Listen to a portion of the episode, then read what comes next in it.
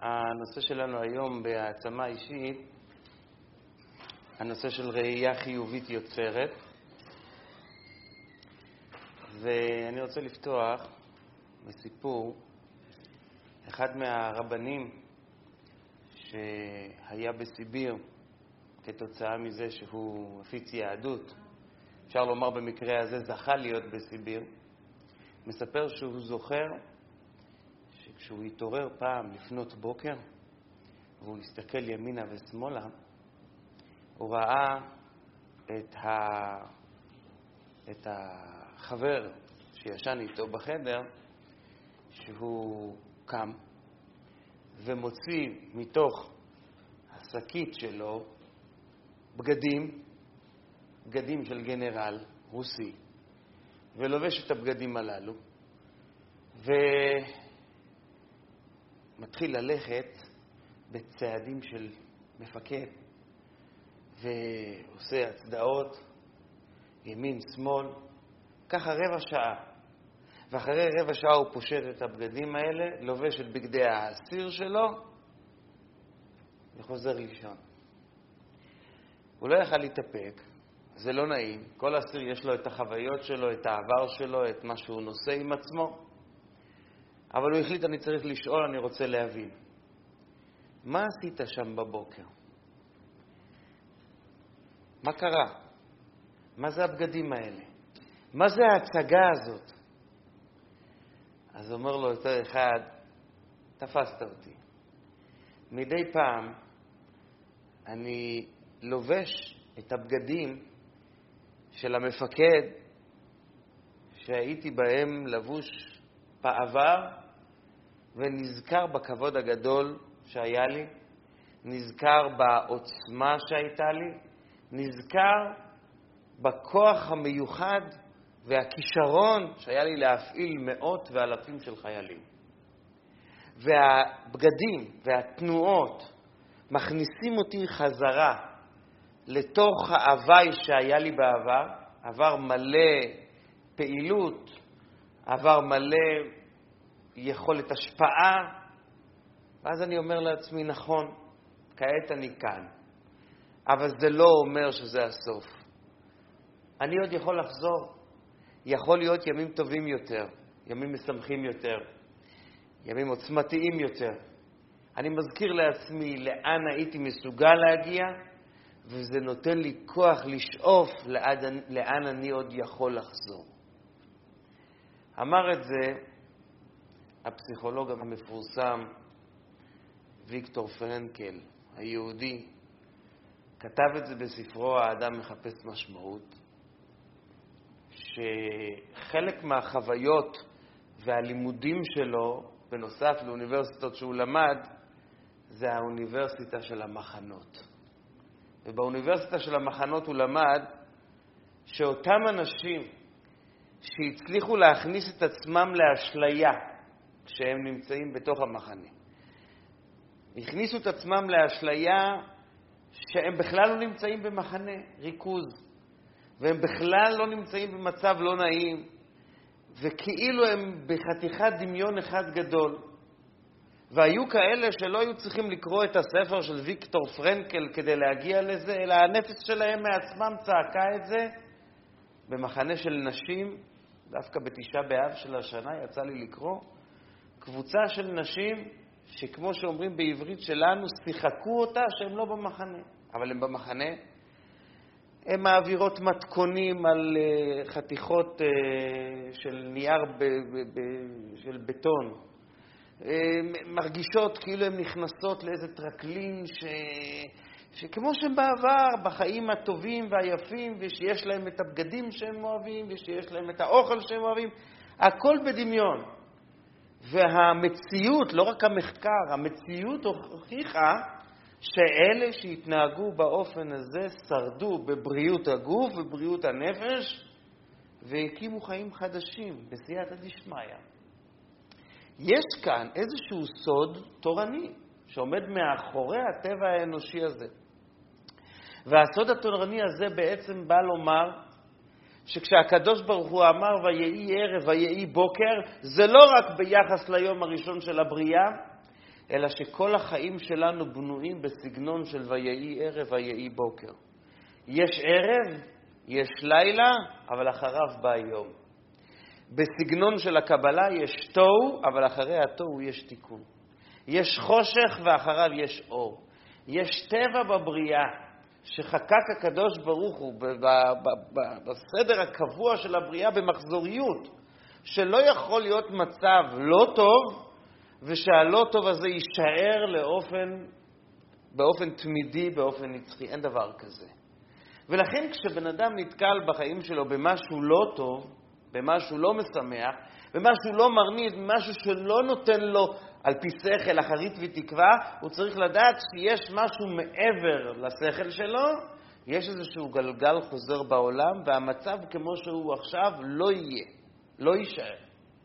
וכאשר האדם נמצא בתוך מצב שנקרא חושך, וזה לא נראה מול העיניים, נדרש ממנו לפקוח את עיני השכל שלו, להסתכל על ההיסטוריה של עצמו, להסתכל על היסטוריה של אחרים ולנסות לדלות משם את הכוחות והאמונה שהדבר הזה יצא וימשיך ויתגלגל ולא יישאר על מקום אחד.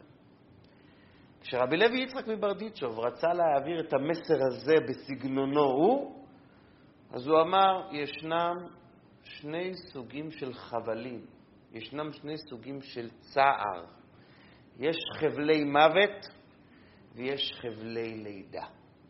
מה ההבדל בין חבלי מוות לחבלי לידה, אומר רב לוי יצחק? חבלי מוות זה צער מסוים, אבל הצער הזה, כמו שאומרים, לא מוביל אותך לשום מקום. אין איזשהו המשך כתוצאה מזה. ואילו חבלי לידה זה אומנם צער, אבל אתה יודע שמאחורי הצער הזה מחכים חיים חדשים, מחכה איזושהי, אה, איזושהי הערה, איזושהי, איזשהו צחוק, איזושהי שמחה. ילד חדש בא לעולם. אז העוצמה הזאת קיימת, והיא קיימת בתוך האדם ביתר שאת, ביתר עוז, ובלבד שהוא מחכה להמשיך הלאה לחיות. כל זמן שהנשמה בקרבי, וכל זמן שאנחנו מחכים ליום נוסף, לחיים חדשים, אז מאחורי החבלים ומאחורי הצער ומאחורי היגון מחכה איזשהו משהו טוב. אולי בתחילתו, אולי באמצעו, אולי בסופו, אבל זה צריך לבוא. ולכן הלוואי שאנחנו היינו מסוגלים לשחק אותה כמו אותם אנשים שמשחקים כאילו הכל טוב והכל ורוד והכל נחמד והכל יפה והכל הולך להיות יותר טוב, כי זה לא משחק, זה המסר. אילו זה היה רק דמיון או אשליה, אז היית אומרים, כן, אלה המפונטזים יכולים לעשות את זה. אלה שהם ריאליים לא מסוגלים לעשות את זה. איך אומרים הפסימים? אנחנו אופטימיים עם ניסיון. אז אלה שנמצאים בתנועה של פסימיות יגידו שאין אין בזה שום סיכוי, אבל התורה אומרת, אם תסתכל במבט אמיתי על ההיסטוריה שלך ועל ההיסטוריה של העולם, אתה תראה שאין שום דבר שעומד על המקום, ותמיד הסדר הוא שאחרי לא טוב בא טוב. וזה חייב להיות ככה, כי אחרי הלילה מגיע יום. זה הסדר בבריאה. אז מכיוון שזה הסדר בבריאה, אתה לא יכול בשום פנים ואופן להיכנס בייאוש. אתה לא יכול להפיל את עצמך במבט לא נכון על החיים. זה לא הצורה של המבנה, איך שברא אותו האלוקים, איך שהקדוש ברוך הוא ברא את העולם. בבית המקדש היה כלי, הכלי הזה קראו אותו מגרפה, והתפקיד שלו הגלוי היה לנקות אה, את הפסולת שהיה מהקורבנות, לנקות את הדשן. אבל הכלי הזה עצמו, היה לו איזשהו כוח מיוחד, הוא היה כלי נגינה שונה מכל הכלים שהיו במקדש.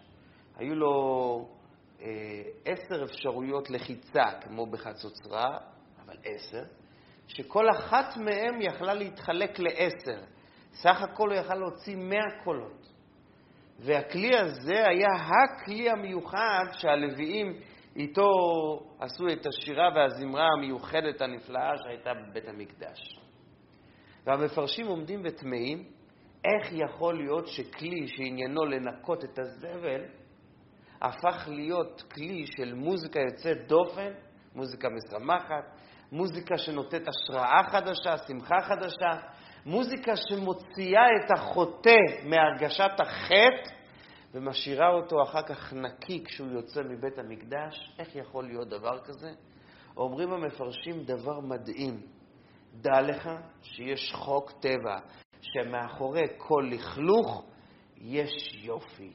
מאחורי כל לכלוך יש מנגינה יפה. המגרפה הזאת בכוונה תחילה שימשה מצד אחד כלי שמנקה טינופת, ומצד שני כלי שעושה השראה חדשה לנשמה באמצעות המוזיקה, משום שיש איזשהו אלמנט שמחבר את שניהם. תדע שבבריאה הדברים היותר יפים מכוסים בדברים פחות יפים. אם תצליח להתמודד ולהחזיק מעמד, ושיהיה לך את הסבלנות להמתין שיתפנו הדברים הפחות יפים, תגלה איזה יופי עומד מאחוריהם, איזה יופי עומד מה, מה, מה, מה, מהצד השני של המתרס. עכשיו, זה לא רק לכלוך ויופי של מוזיקה, אלא זה גם מרירות ביחס לחיים. הגמרא מספרת במסכת ערכים שהיו חכמים שגרו בעיר פומפדיטה בבבל, רב יוסף ורבא. והגיע לשם איזשהו גיס של אה, גויים, חיילים, והגיס הזה כנראה הכניס את האנשים שהגיעו לשם למתח גבוה, הפחיד אותם. אז רבא ורב יוסף, כמו שאומרים, תפסו את הרגליים וברחו, ובלשון הגמרא, ערקו, עריק, ברחו. פוגש אותם באמצע הדרך רבי זירא, והוא אומר להם, דבר ראשון, מסר ראשון, אתם עריקים. מסר שני, מוזר מאוד, כזית שאמרו במקום מרה. זה מושג הלכתי. הכזית שממנו הנשמה של הבהמה, ששם הבהמה חיה, חתיכת בשר שממנו. זורם, זורם כל החיים של הבהמה, זה בסך הכל כזית וזה נמצא במרה של הבהמה, בעבר שנקרא מרה. רבי יונתן אייבשיץ, יש לו ספר שנקרא קריטי ופלטי. זה ספר הלכתי על השולחן ערוך, והוא עומד ותמה. שני אנשים בורחים כי הם מפחדים מהחיילים הגויים. לא מצאת מה לומר להם כעידוד, כמילה טובה, כמחווה, אלא להגיד להם שהם עריקים? זה מה שאתה צריך לצעוק על בן אדם שבורח, מסכן, מפחד. והשאלה השנייה, מה הקשר בין שני הדברים? יש אחד ברח, עריק, אז אתה תופס אותו ואתה אומר לו, כזית שממנו הבהמה חיה, נמצא במרה שלה. איך אומרים? שמחת זקנתי. מה, יש, מה המסר? מה אתה רוצה להגיד בזה? אומר רבי יונתן אייבשיץ דבר מדהים. אומר, רבי זיירה בא להגיד להם קצת מוסר. הגעתם בחיים שלכם למצב לא נעים. הגיע גיס, הגיע חיילים, אתם מפחדים לחיים שלכם, לחיים של המשפחות שלכם. מצב מר בחיים. אתם מגיעים למצב שלא הולך חלק, אתם מגיעים למצב שלא הכל מסתדר, אתם מגיעים למצב שאתם לא יודעים מה אתם תעשו מחר, ומה אתם כמנהיגים, כרבנים, מה אתם עושים? תופסים את הרגליים ובורחים. לאן? כמובן, לאן הם ברחו? הם ברחו לבית המדרש, ברחו לחיים של תורה, של יראת שמיים, אי אפשר היה לצפות מהם משהו אחר. אומר להם רבי זירא, אתם שכחתם שאותו כזית שנותן חיות לכל הבהמה, הוא נמצא בעבר ששמו מרה. והגמרא אומרת שהוא נקרא, נקרא מרה, משום שאם תיקח קצת ותשים בפה, אתה תרגיש מר.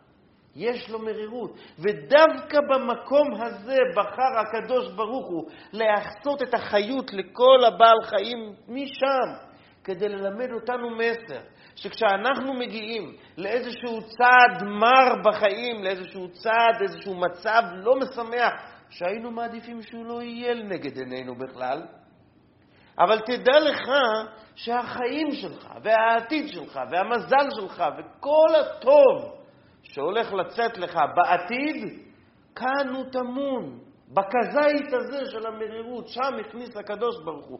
בחושך הזה, בפנימיותו, נמצאת נקודת אור, נמצאת נקודת עתיד מאוד מאוד מרנינה, מאוד מאוד מיוחדת, ואסור לך בשום פנים ואופן לוותר עליה. ואסור לך לערוק ממנה, ואסור לך לברוח ממנה. וזה הקשר בין שני הדברים. אתם עריקים, ברחתם מאותו כזית מרה שהביא לכם הקדוש ברוך הוא.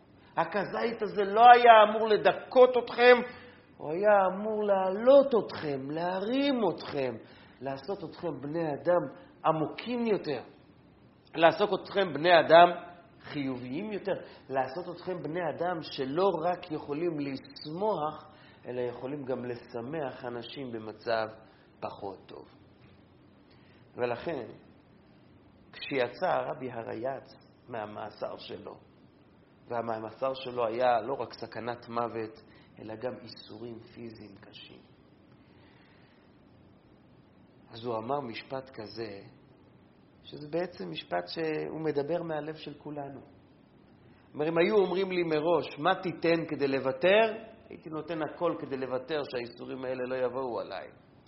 אבל אם יבקשו ממני עכשיו שאני אמכור מהאיסורים הללו, לא מוכן למכור. למה? משום שזה הכזית מרה, שמשם כל החיות, כל הנשמה, כל העתיד, כל המזל ממנו בא. אנחנו כולנו מבקשים מהקדוש ברוך הוא בבוקר בתפילת שחרית, ואל תביאנו לידי ניסיון ולא לידי ביזיון. אנחנו רוצים רק חיים טובים, חיים מתוקים, חיים שמחים. אבל אם חלילה וחס האדם מוצא את עצמו במצב שמר לו, הוא צריך לדעת שמאחורי המרירות, או בתוך המרירות הזאת, יש איזשהו אור גדול, ולא סתם אור גדול, אור יותר גדול ממה שהיה נראה לו עד עכשיו. בשנת תרע"ט, הרבי הרש"ב רוצה לאפות מצות לחג הפסח. בוחר לעצמו אחד מהמובחרים של התלמידים שלו, הרב יעקב לנדו, שהיה לימים רבה של בני ברק. ומבקש ממנו, יש פה קבוצה של רבנים שנוסעים לשדות כדי לקצור את החיטה ולשמור עליה, כי החיטה צריכה להיות חיטה שמורה, אני מבקש ממך, תיסע איתם ביחד בתור שליח שלי, כדי שהמצות שלי יהיו עם השמירה הקפדנית, כמו שאתה יודע שאני אוהב. הרב אה, לנדו באותם הימים היה תלמיד חכם, אבל הוא היה קודם כל רווק. בנוסף לזה שהוא היה רווק, הוא לא שימש ברבנות באיזשהו מקום. הוא היה נמצא בעיירה לובביץ', הוא היה נקרא רב החצר, רב הארמון, הוא היה באותו מקום, כיבדו אותו מאוד, אבל לא היה לו איזו עיר גדולה עם, עם קהל, עם... והרבנים שנסעו איתו ביחד, ב...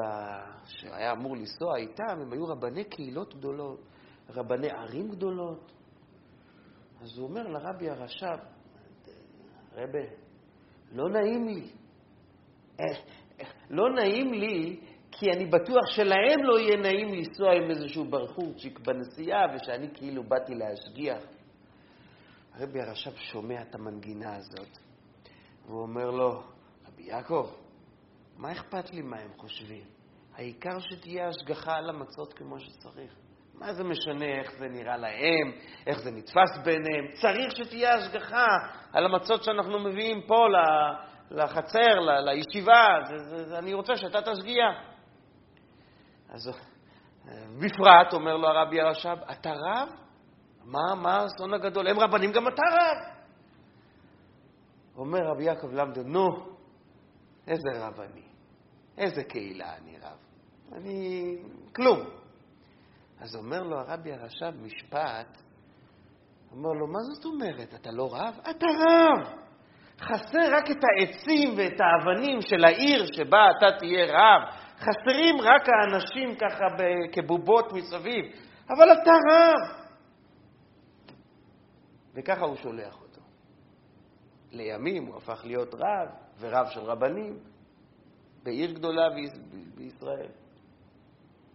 אני רוצה לומר שהסיפור הזה של הרבי הרש"ב רוצה להגיד לכולנו, פה מדובר על רב, אבל כל אדם באיזשהו מקום בחיים שלו, ב, ביום-יום שלו, הוא רב. זאת אומרת, יש לו איזשהו תפקיד, נקרא לזה רב כדוגמה, אבל יש לו, עולה, איזשהו תפקיד. תפקיד גדול, תפקיד חשוב. הקדוש ברוך הוא מכין אותו למשהו, מכין אותה למשהו.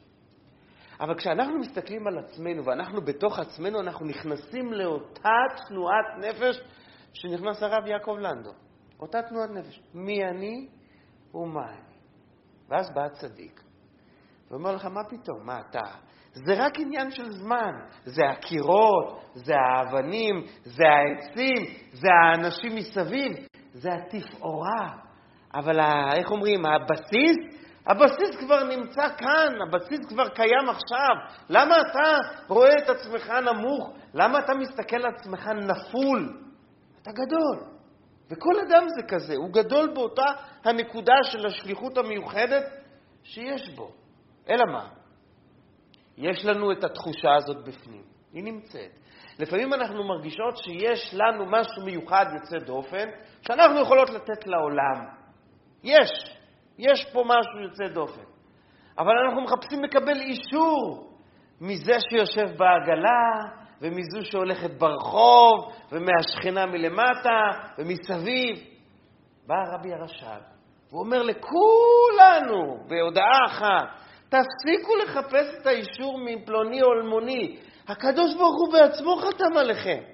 הקדוש ברוך הוא בעצמו נותן לך איזושהי עוצמה.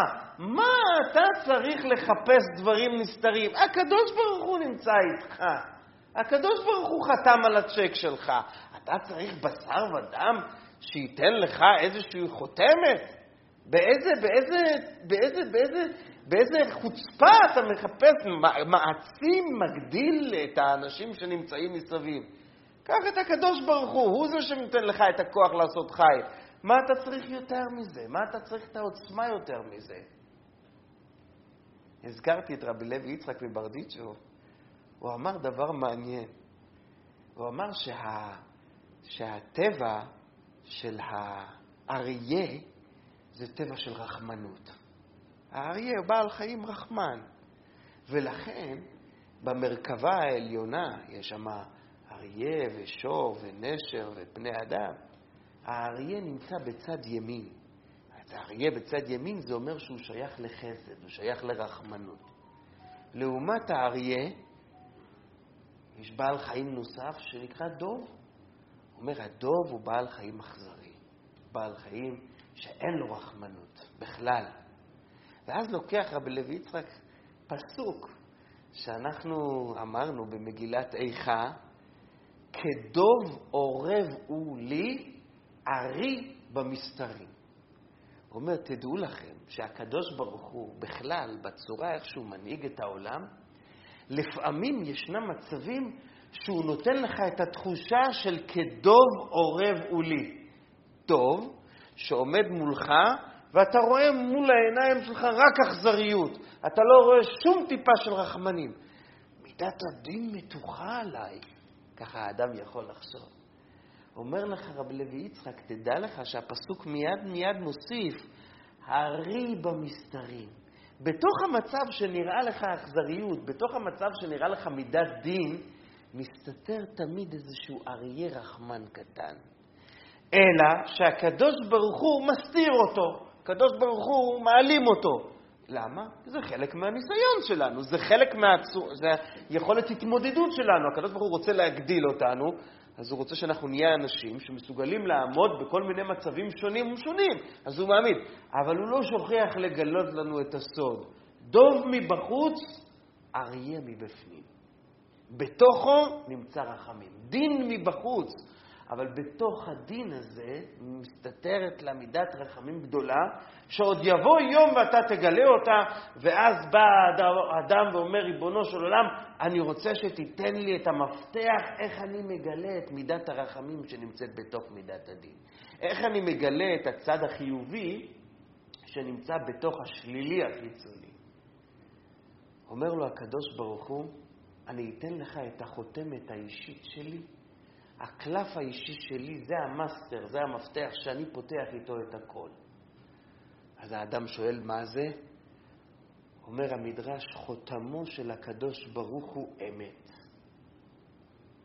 האמת זה מפתח שיפתח לך ויגלה לך את האריה, את מידת הרחמים, שבתוך הדוב של מידת הדין. שואלת תורת החסידות, למה? אנחנו יודעים שיש מידת אמת, זו מידה יפה, אבל מידת החסד היא לא פחות יפה. חסד, לעשות טובה לאחרים. חסד כתוב שהוא הולך עם כל ימות השבוע, יש לו עוצמה. החסד הולך עם החסד, והוא הולך עם הגבורה, והוא הולך עם התפארת, הוא הולך עם הכל. החסד זה מפתח של כל המידות, של כל הספירות. איך פתאום האמת הפכה להיות master יותר גדול מאשר ספירת החסד? איך זה קרה? אז אומרת החסידות דבר מאוד פשוט. אם אתה, למשל, רוצה להיות חסדן, אבל אתה נטול מידת אמת, אתה הולך עם החסד, אבל אתה לא מכניס את הבסיס של האמת, אז אתה מתחיל לעשות טוב, טוב, טוב, טוב, טוב, ועם הזמן אתה מתחיל לחשוב, רגע, ומה איתי? ומה עם משפחתי? ומה עם זה? ויש כל כך הרבה אנשים שהם התחילו עם כיוון של אמת, עם כיוון של עזרה, עם כיוון של אכפתיות לאחרים, ואחר כך מה שקרה איתם זה כל מיני, אה, כל מיני סיפורים לא נעימים של אה, אנשים שלקחו לעצמם מפה ולקחו לעצמם משם, ודחפו את עצמם ודחפו את הקרובים שלהם, וכל מיני סיפורי הונאות. אומרת החסידות, איך הגיעו לזה? הגיעו לזה מפני שהיה חסד, אבל מאחורי החסד לא עמדה האמת. כשיש מידה שאתה רוצה לעשות ואתה עושה אותה נקי לשם שמיים, אז אתה יודע במאה אחוז, יש לי אותה, היא קיימת. אבל ברגע שאין לך אותה, אז אתה יכול לזרום עם המידה והיא מזיזה אותך. האמת זה האנך שישאיר אותך לשמור כל הזמן על נקודת פתיחה שבה התחלת, על התמימות שבה התחלת, על היושר שבו התחלת, על הרצון הטוב והכנה מכל הלב ולשם שמיים. אוקיי, אבל אנחנו לא יכולים לברוח מזה, שעם כל החשיבה החיובית, ועם כל האמונה שבתוך הרע ישנו טוב, ובתוך המרירות יש מתיקות, ובתוך האשפה יש כלי נגינה, ובכל הדברים החיוביים יש דברים נהדרים ועצומים. אבל איך אומרים, כשאנחנו נמצאים על הפנים, כשנמצאים בקושי, אז הכל נתקע. איך אמר אותו ילד לאימא שלו? הוא היה הולך כל יום לחיידר בבוקר, והוא מבקש שאימא תיתן לו יד כל הזמן, משום שהוא מפחד מכלבים. אז אימא שלו אמרה לו, אני אלמד אותך פעם אחת ולתמיד פסוק, שאם אתה תגיד את הפסוק הזה, הכלבים יעזבו אותך ולא יקרה לך שום דבר. ולכל בני ישראל לא יחרץ כלב לשונו, תזכור את זה, בני היקר, ותלך. אחרי שהילד יוצא למחרת, תוך חמש דקות הוא רץ הביתה בבהלה. מה קרה? רדף אחריי כלב. נו, אז למה לא אמרת לו את הפסוק? אמא, שכלבים רודפים, שוכחים את כל הפסוקים. מה אתה רוצה? מה אני יכולה לעשות? כשהאדם נמצא במצב ביש, ואתה מתחיל לדבר איתו על ראייה חיובית, ויש בזה טוב, ויש בזה עומק, וזה מתוק בעצם, והקדוש ברוך הוא אוהב אותך, וזה אריה רחמים מסתתר בתוך הדוב. איך הוא יגיד לך, עזוב אותי, תבוא תראה את הדוב שלי, לא תמצא את האריה אף פעם. על מה אתה מדבר בכלל? אומר הבן איש חי, בתקיעת שופר יש לנו תקיעה, שברים תרועה, אחר כך עוד פעם תקיעה. התקיעה מסמלת בנפש האדם את המצב שהכל הולך חלק בחיים. טו, הכל זורם. חיים מאושרים, חיים שמחים. איך אומרים, כל דבר בעיתו, בזמנו, הכל, הפרנסה, הבריאות, ילדים, העושר, הכל מגיע בזמן. תקיעה. אחר כך יש מצב שנקרא שברים ותרועה. מה זה השברים ותרועה? זה בעצם תקיעה, אבל שהתקיעה הזאת נתקעת כל הזמן. השברים נתקעים אחרי קטע מסוים, שלוש קטעים. התרועה נתקעת. התקופה של, ה, של השברים והתרועה, השברים והתרועה מסמלים את התקופה בחיים שדברים לא הולכים, שדברים נתקעים, שזה לא זה, שלא הולך. ויש שהולך ונתקע, הולך ונתקע, הולך ונתקע. ויש נתקע, נתקע, נתקע, נתקע, נתקע. זה כבר התקועה.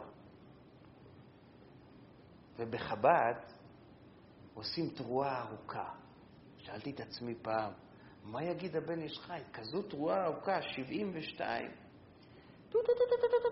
מה זה כל כך הרבה תקיעות? תעזוב אותך, תביא משיח, שיהיה שמח, שיהיה טוב. מה זה התקיעות הזאת? אז ראיתי אחד המפרשים אומר דבר מאוד יפה. הוא אומר שאנחנו צריכים לקחת מהתקיעה כוח למצב שברים תרועה בחיים. אנחנו צריכים להיות חכמים, כמו יוסף הצדיק, שכשהוא ידע שהולך להיות שנת, אה, שנים של רעב, אז הוא אסף מצבורים של, אה, של כוחות. אני אגיד לכם את האמת, ראיתי פעם אחת אישה כזאתי, שכל פעם, כל אחד מרגיש את זה, שיש מצב שהכל הולך, הכל זורם. מחמאה בבוקר, מחמאה בערב, ומאנשים שונים, וזה, ופה, ומקדמים אותך, ופה. היא הייתה לוקחת פנקס ורושמת כל יום שהלך טוב, רושמת מה היה טוב, מה היה טוב, מה היה טוב, מה היה טוב. שאלו אותה, בשביל מה את עושה את זה? היא אומרת, כשמגיע מצב שאני הופכת להיות שקופה, עכשיו רואים אותי. אבל יש לפעמים מצבים כאלה שאף אחד לא רואה אותי. פתאום לא שמים לב, פתאום אין קידום, פתאום אין תשומת לב, פתאום אין מחמאות. תקופת יובש, ואין אדם שאין לו את זה. אני פותחת את הפנקס הזה, ואז אני קוראת, אני לא כלום, נכון, אני רוצה להגיד שאני כלום לפי כל מה שקורה מסביב, נכון להיום, נכון להרגע, אבל תראו מה אמרו בחודש הזה וביום הזה ובשנה הזאת ועוד פעם ועוד פעם ועוד פעם, אז אני לא כלום. וככה אני מחזירה לעצמי את הכוחות, זה בדיוק הרעיון שאומר הבן איש חי. קח מהתקיעה כוח למצב של השברים והתרועה. זאת אומרת, אתה לא יכול לצפות שכל הזמן בחיים שלך הכל ילך ביופי ושופי, זה בגאולה, זה ככה יהיה. אבל כל זמן שאנחנו עדיין לא בבית מקדש קיים ולא מקריבים קורבן תמיד של שחר ותלמיד של בין הארבעים, וכל זמן שהכהן הגדול את המנורה עדיין לא מדליק בכל יום, אנחנו לא יכולים לבוא ולהגיד, הכל חלק, הכל חלק. יש קשיים. אז איך אתה מתמודד בראייה חיובית עם הקשיים האלה שעומדים לפניך? עם, עם איזה מפתח אתה פותח אותם? זה המפתח. המפתח הוא זה שאתה שואב לעצמך כוחות מהזמנים הטובים שנתן לך השם, כי הקדוש ברוך הוא מלכתחילה נתן לאדם את, ה, את הזמנים הטובים כדי שהוא ינציח אותם. למה אנשים מנציחים רק שמחות? חתונות, בר מצווה, בת מצווה, בריתות, רק דברים שמחים. בלוויות כמעט לא תראה שאנשים מנציחים את הלוויה בתמונות. ואם מנציחים, מי מסתכל על זה עוד הפעם? מי הולך ופותח את זה שוב? משום שזה הטבע שהכניס לנו, הקדוש ברוך הוא החדיר, החדיר את זה ב-DNA שלנו, שאנחנו נחפש נקודות טובות, שמחות, מעניינות, מחיות בחיים שלנו, וננסה לחיות איתם שוב. וכנראה שהדור שלנו כל כך עסוק, אז הקדוש ברוך הוא המציא לו את המכשירי ההקלטה ואת המכשירי וידאו ואת המכשיר הזה, כדי לעזור לו להנציח את הרגעים היפים. וזה הכישרון שאנחנו איתו צריכים לצעוד. לשמור את התקיעה הטובה, התקיעה הגדולה, שהיא מזרימה, הזרימה את החיים, לשמור אותם בשביל הזמנים של השברים ושל התרועה. אבל יש לנו איזשהו דוב שעומד בצד. דוב עורב הוא לי, שאתה לא שם לב אליו, זה היצר הרע. והדוב עורב הזה מנסה כל הזמן להוריד לאדם את המוטיבציה. ואחת הדרכים שהוא מוריד לו את המוטיבציה זה שהוא נותן לו את התחושה שאתה כלום. רגש נחיתות קוראים לזה, אתה לא שווה שום דבר, אתה לא כלום. והחסידות, כשהיא רוצה להתמודד עם הטבע הזה של היצר הרע, היא אומרת, שים עליו את האצבע, תדע לך שכשאתה מרגיש שאתה כלום, בגלוי נראה לך שאתה בטל, אבל תדע לך שמה שעומד מאחורי זה זה גאווה גדולה.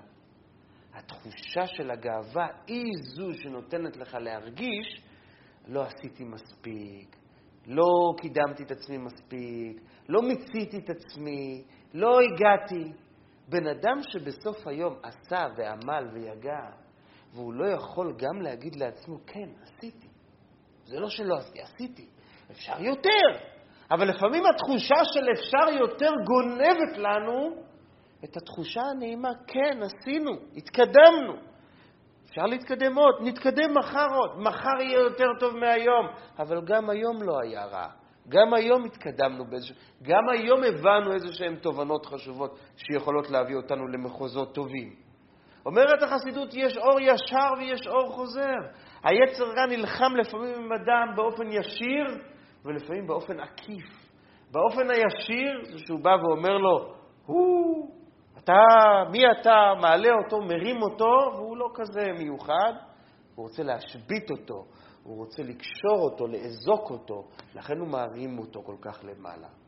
ולפעמים הוא מוריד אותו כל כך למטה, וזה גם כן גאווה, רק שזו גאווה סמויה של האור החוזר, שהיא לא מתגלה באופן ישיר לאדם, והיא לא מביאה אותו באמת למחוזות טובים. האדם צריך לחיות באיזון שבין שתי הבחינות.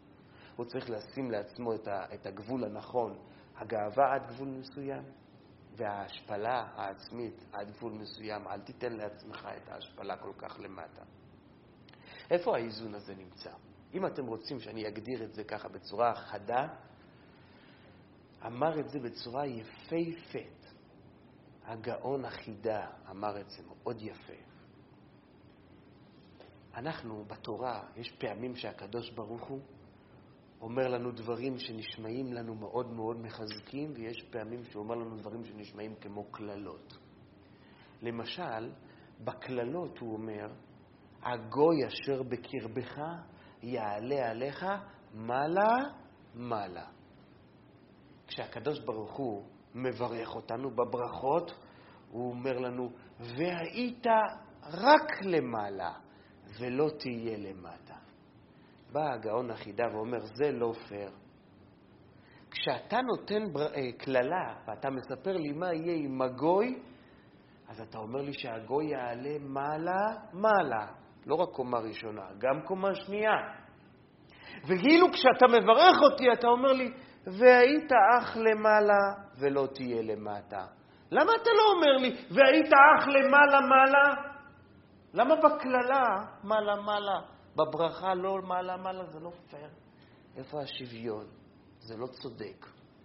זה אומר דבר מאוד מאוד מעניין. הגמרא מספרת שהחכמים פעם עשו ריקוד חזק מאוד בזמן של חתונה של בן של אחד מהחברים שלהם.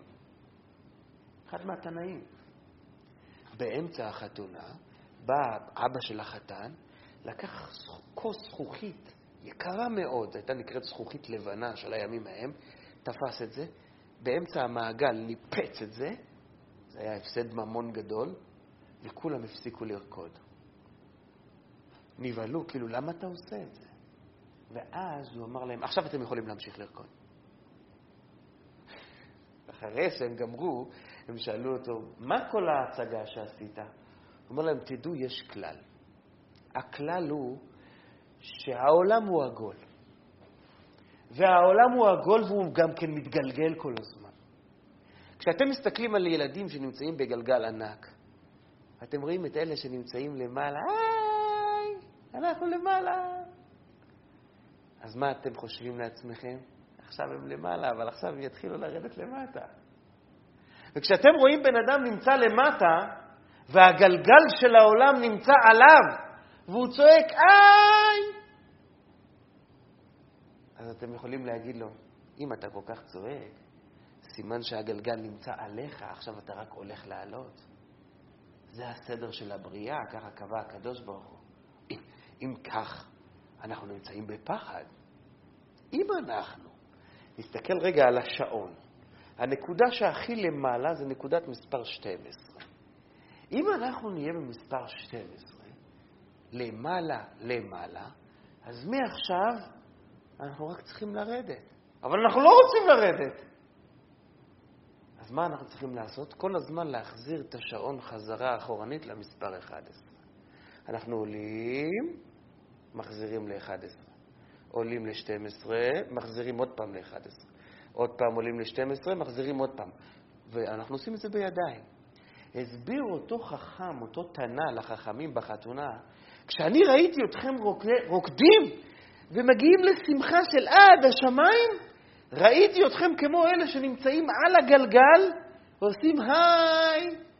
פחדתי שמעכשיו זה יהיה רק ירידה, הייתי חייב להחזיר אתכם חזרה למספר 11. אחרי שאתם חוזרים ל-11 זה גם למעלה, זה לא הכי למעלה, אבל זה למעלה. ואז אתה כל הזמן שומר את האיזון של מצב טוב בחיים. זאת אומרת שהבן אדם באיזשהו מקום צריך בזמן הגלות לעשות את זה לעצמו. מה לעשות לעצמו? תמיד תשמור, תמיד תשמרו. איך אומרים? זכר לחורבן.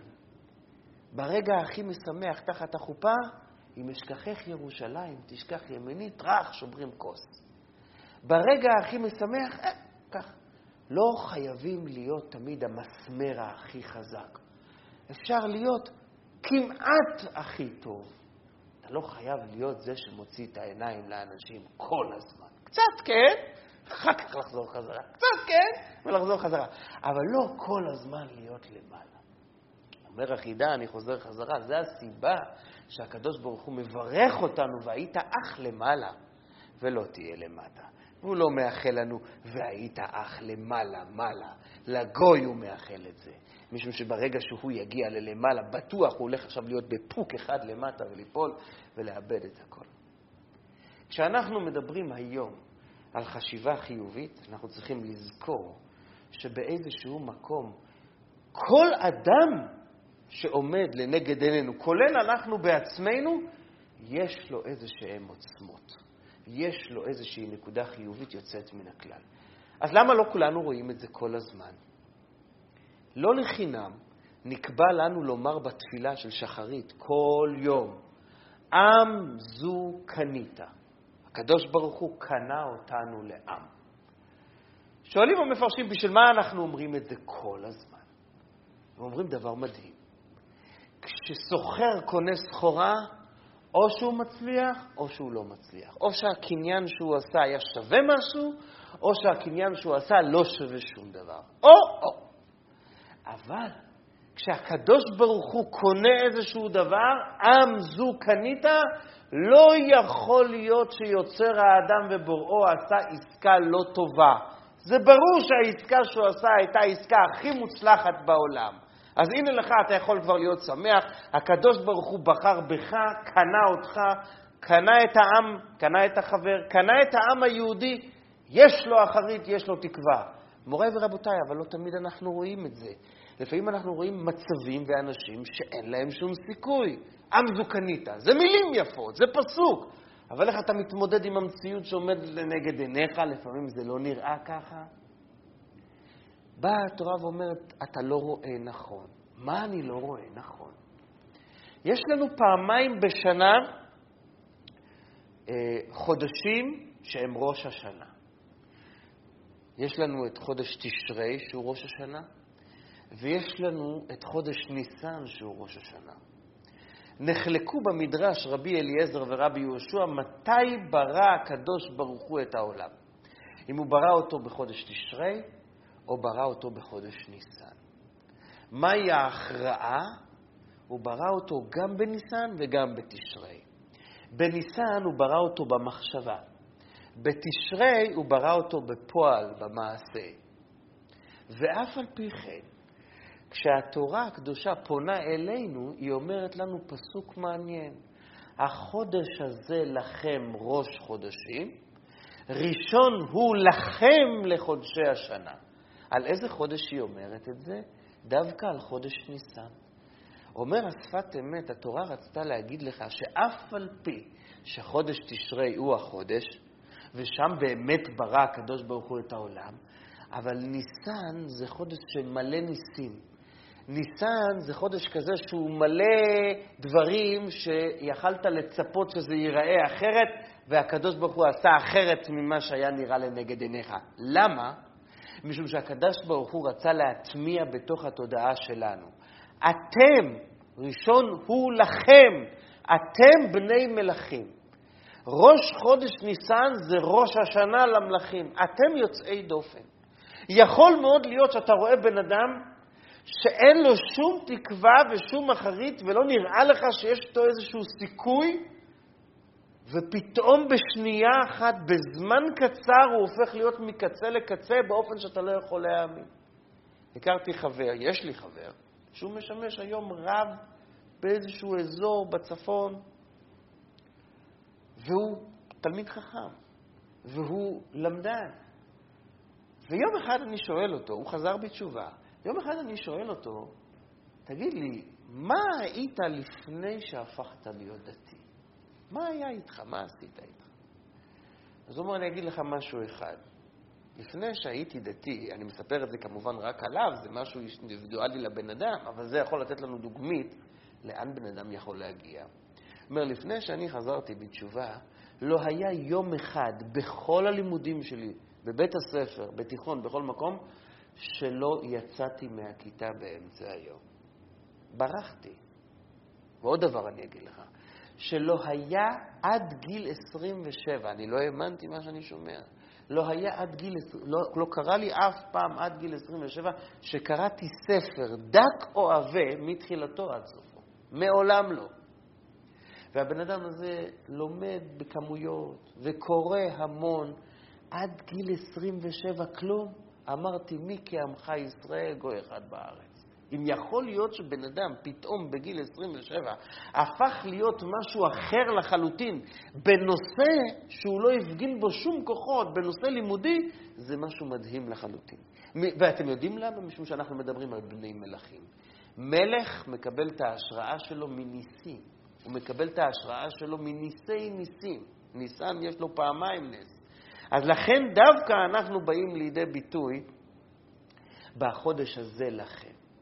לכן גם כאשר בן אדם רואה שהמצב הוא ביש לחלוטין, לא רואה שום סיכוי, לא רואה שום כיוון, אף על פי כן הוא חייב לדעת שאצלו, בתור אחד שהוא בן לעם היהודי, הסיסטם עובד אחרת.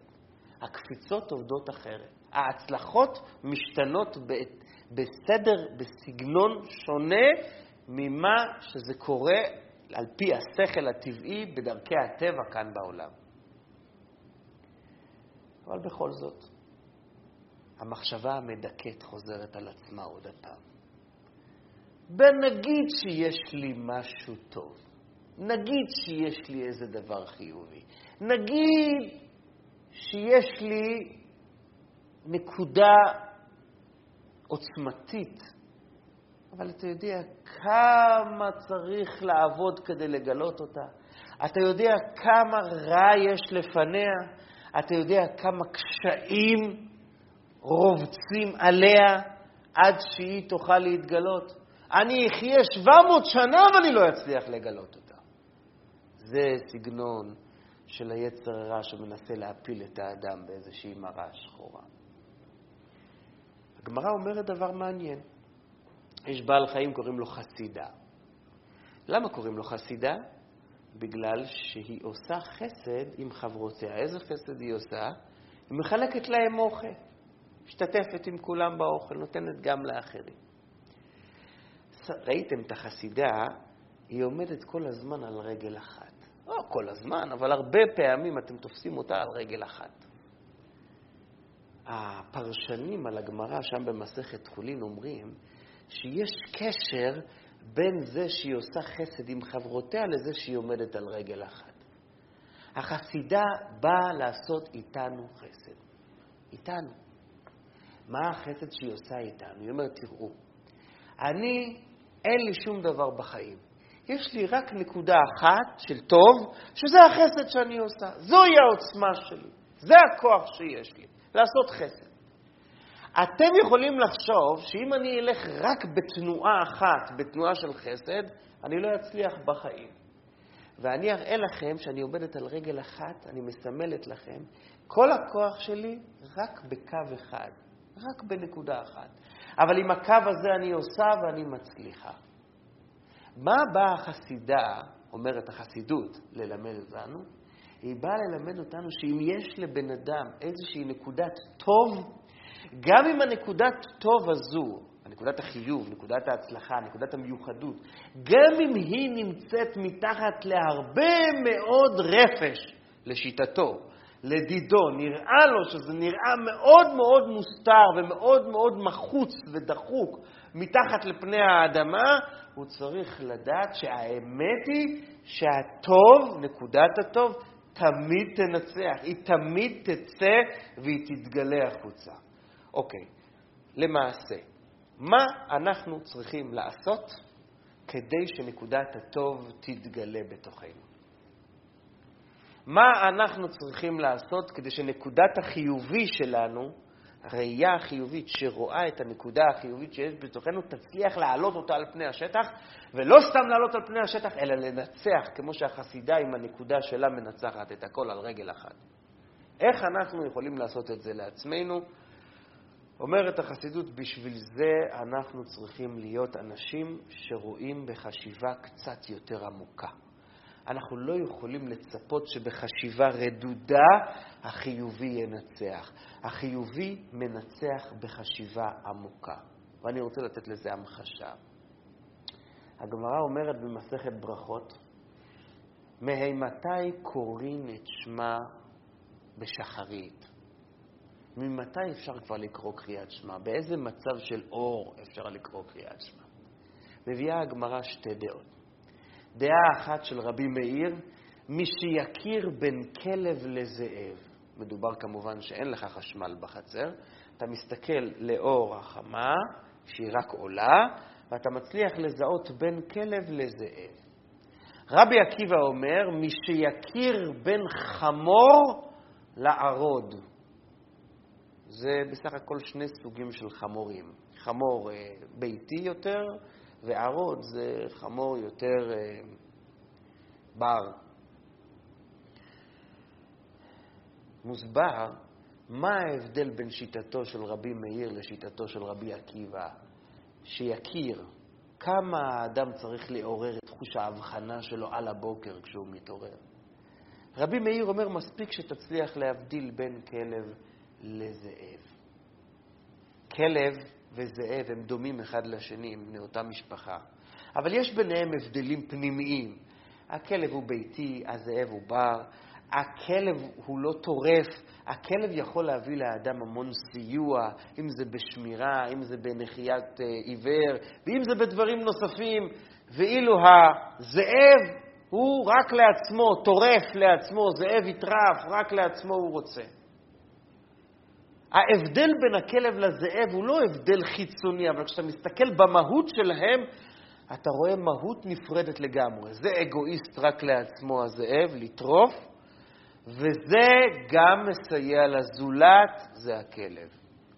אבל כשאתם מסתכלים על ההבדל שבין ערוד לבין חמור, לא רק שהם דומים אחד לשני חיצונית, ולא רק שהטבע שלהם יחסית דומה, אלא שניהם פעילים ברשותו של האדם. זאת אומרת, שניהם מסייעים לאדם. גם את החמור אפשר לרתום לעבודה וגם את הערוד אפשר לרתום לעבודה. שניהם עובדים. אלא שאם תסתכל טוב, אתה תראה שהערוד הוא קצת יותר מסוכן. רבן גמליאל אומר, אף פעם לא ראיתי בן אדם שבא לשאול אותי על מכה שהוא חטף מהערוד, כי פשוט הוא מת אחרי המכה הזאת, אז הוא לא בא לשאול. זאת אומרת, הערוד הוא קצת יותר פראי, הוא קצת יותר מסוכן, אבל עדיין היו משתמשים איתו, וכאן מגיעה הנקודה.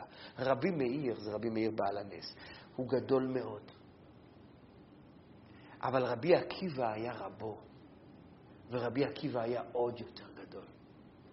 ורבי עקיבא בא להגיד לנו יסוד. אם אתה רוצה להתחיל בוקר מאימתי קוראים את שמע בשחרית. אם אתה רוצה להתחיל בוקר חיובי, אתה רוצה להתחיל בוקר מרנין, בוקר משמח, אתה חייב להיות בן אדם שלוקח ביחד איתו חוש הבחנה. ולא חוש הבחנה גס, אלא חוש הבחנה עדין. להבחין בין דברים עדינים.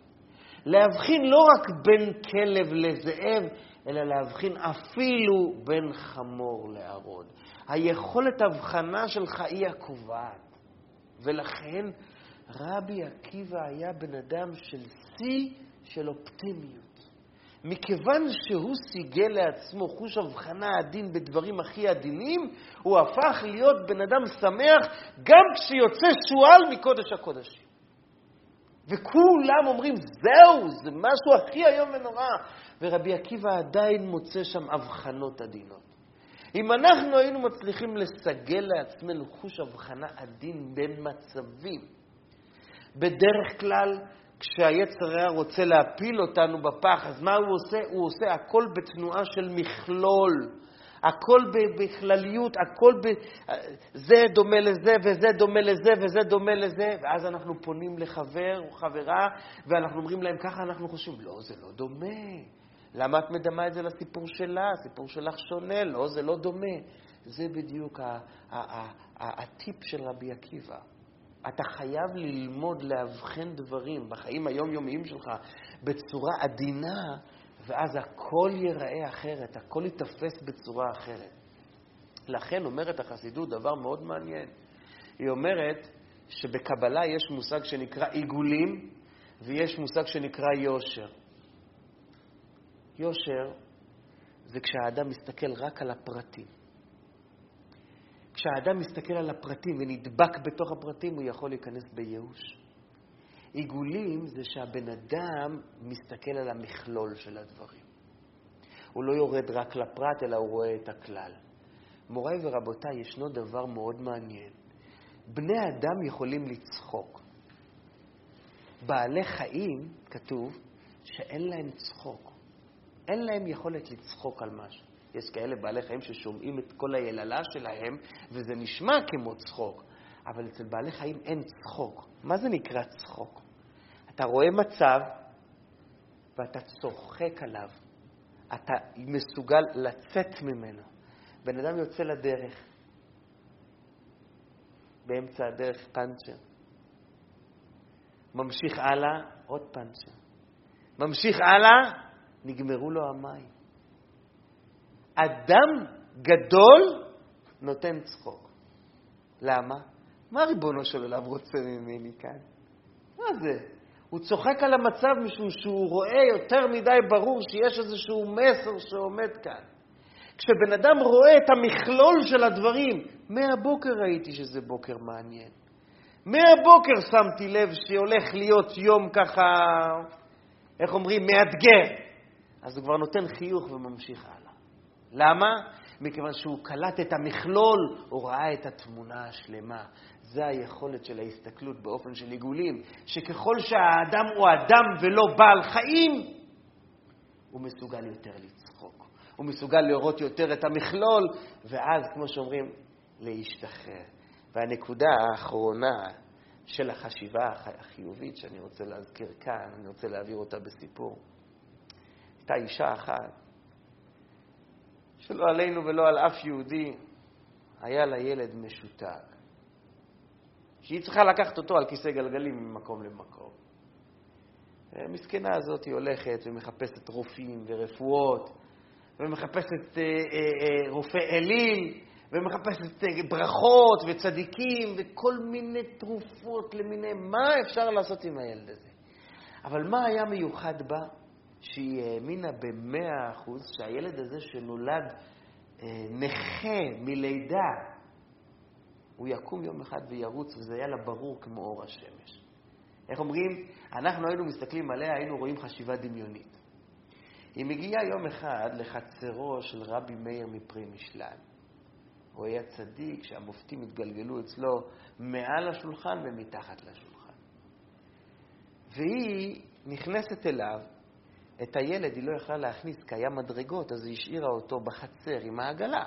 השאירה אותו בחצר, והיא נכנסת לצדיק, והיא מגישה את, ה, את הפתק שלה עם הבקשה שלה, ומקובל שנותנים גם כן דמי פדיון נפש. עכשיו, העלובה הזאת, המסכנה, לא היה לה כסף, אז היא התחילה להוציא את העשרות אגורות, מה שהיה לה שמה, לאסוף את הסכום שהייתה צריכה לתת, מה שמקובל היה לתת. אבל היה לה רק מטבעות קטנות, והיא מתחילה לנבור שם בארנק, והמטבעות מתחילות להתגלגל על הרצפה. ואז הצדיק שם על עצמו מסווה, ואומר לה, תגידי, את לא מתביישת? לא יכלת להביא, לפרוט את הכסף שיהיה מטבע גדולה? מה זה את מביאה לי כאלה כספים קטנים ומתגלגל פה על הרצפה? והוא הוא, הוא עשה את עצמו כאילו כועס, התכופף על הרצפה, אסף כמה מטבעות מהרצפה, תפס אותם כאילו בחור יעף וזרק אותם דרך החלון. והיא נבהלה מהברוטליות הזאת שהוא הפגין. היא יצאה מהר החוצה מפני רוגזו וכעסו, ולתדהמתה היא רואה בחצר את הילד שלה אוסף את המטבעות. הוא קם מהכיסא פעם ראשונה בחיים, והוא אוסף את המטבעות. ואז היא אומרת משפט, שכמו שאומרים, העביר את כל מה שהיא חשבה עד אותו יום. היא אומרת, בוא נלך מפה מהר, שלא נצטרך את הטובות של הרבי הרכזן הזה. והיא הלכה. והצדיקים במשך הדורות היו לוקחים את הסיפור הזה ומספרים אותו כל פעם שהם היו צריכים להעביר איזושהי ישועה באופן עקיף. והם הסבירו שהמיוחד באותה אישה היה זה שהיא לא ציפתה לנס, היא האמינה שזה יכול לקרות בדרך הטבע. והאמונה הזאת הייתה אצלה כל כך חזקה, עד שלרגע היא לא חשבה שהצדיק עשה את זה. זה פשוט, אה, הוא ראה מטבעות, אז הוא הרים. והצדיק ידע שבאופן הזה הוא יצליח להעביר לה את הישועה שלה באופן הכי טוב. ואנחנו לומדים מזה, שאם אנחנו מצליחים להפנים חזק מאוד, שבתוך כל מצב שהוא, גם מצב ייאושי כזה, כמו שבו היא עמדה, אתה מאמין, את מאמינה, שיש איזושהי הצלחה, ישועה, ולא סתם ישועה, אלא אפילו ישועה בדרכי הטבע, אז כמה שזה נשמע דמיוני, וכמה שזה נשמע אשליה, וכמה שזה נראה הזוי, אבל דווקא בדרך הזאת, הרבה פעמים ההצלחה והישועה עוברת, ובתנאי שהבן אדם יאמין טוב. אז ברשותכם, אני רוצה רק לסכם את היסודות שלמדנו היום. האדם צריך ללמוד לדמיין חיובי גם כשפחות טוב לו. זה מסייע לו לשרוד, אבל זה לא רק מסייע לשרוד באופן דמיוני, אלא זה פשוט האמת. הסדר בבריאה הוא זה שהטוב מגיע אחרי הרע. אין רע רע כל הזמן. מאחורי כל לכלוך מסתתר יופי. מאחורי כל מרירות מסתתרת חיות חדשה. מאחורי החלום והתחושה האישיים שיש בנו משהו, מסתתרת מציאות אמיתית. מאחורי הדוב המפחיד מסתתר אריה רחמן. ומידת האמת שלנו והעקביות אמורה לגלות את זה. אנחנו צריכים לשמור על רגעי נחת, לצרוב רגעי נחת שהעניק לנו הקדוש ברוך הוא, כדי שהם ישמשו לנו דלק למצבים וזמנים מאתגרים בחיים. אסור לנו לאפשר לגאווה הבהמית, הטבעית של האדם, להביא אותנו להשפלה פנימית. אנחנו צריכים תמיד לשמור את הטוב ולעלות ממנו בעלייה מדורגת, ולא לחפש תמיד להיות בפסגה, אלא להיות טיפ-טיפה לפני הפסגה. אנחנו צריכים להעמיד תמיד שבכל יהודי יש נקודה של טוב. הנקודה של הטוב זה קניין פנימי, זה בחירה שבחר הקדוש ברוך הוא. לא יכול להיות שהקדוש ברוך הוא טעה בזה שבחר אותו להיות יהודי. יהודי אף פעם לא תלוי במה שנראה לעיניים, אלא במה שהקדוש ברוך הוא בחר לתת לבן של מלח, שזה לא לפי התנאים הרגילים, לא לפי הכללים השכליים ההגיוניים. יהודי יש לו סבלנות להמתין לרגע הנכון והזמן הנכון. לא כל הדברים באים בבת אחת, לא כל הצמחים צומחים באותה עונה ובאותו הזמן. הראייה החיובית דורשת מאיתנו יכולת הבחנה חדה בין מצבים, להביט באופן עמוק, להסתכל על המכלול ולא רק על הפרט, לפעמים גם כן לצחוק על המצב, כי כשאתה רואה את המכלול אתה יכול גם לצחוק, ולהאמין שמתוך הבעיה עצמה אפשר להגיע לישועה גם כאשר מדובר בתוך דרכי הטבע. והרבה פעמים כשבן אדם מאמין בתוך דרכי הטבע, אומר לו הקדוש ברוך הוא, אז במקרה שלך אני אעשה דווקא נס. תודה רבה.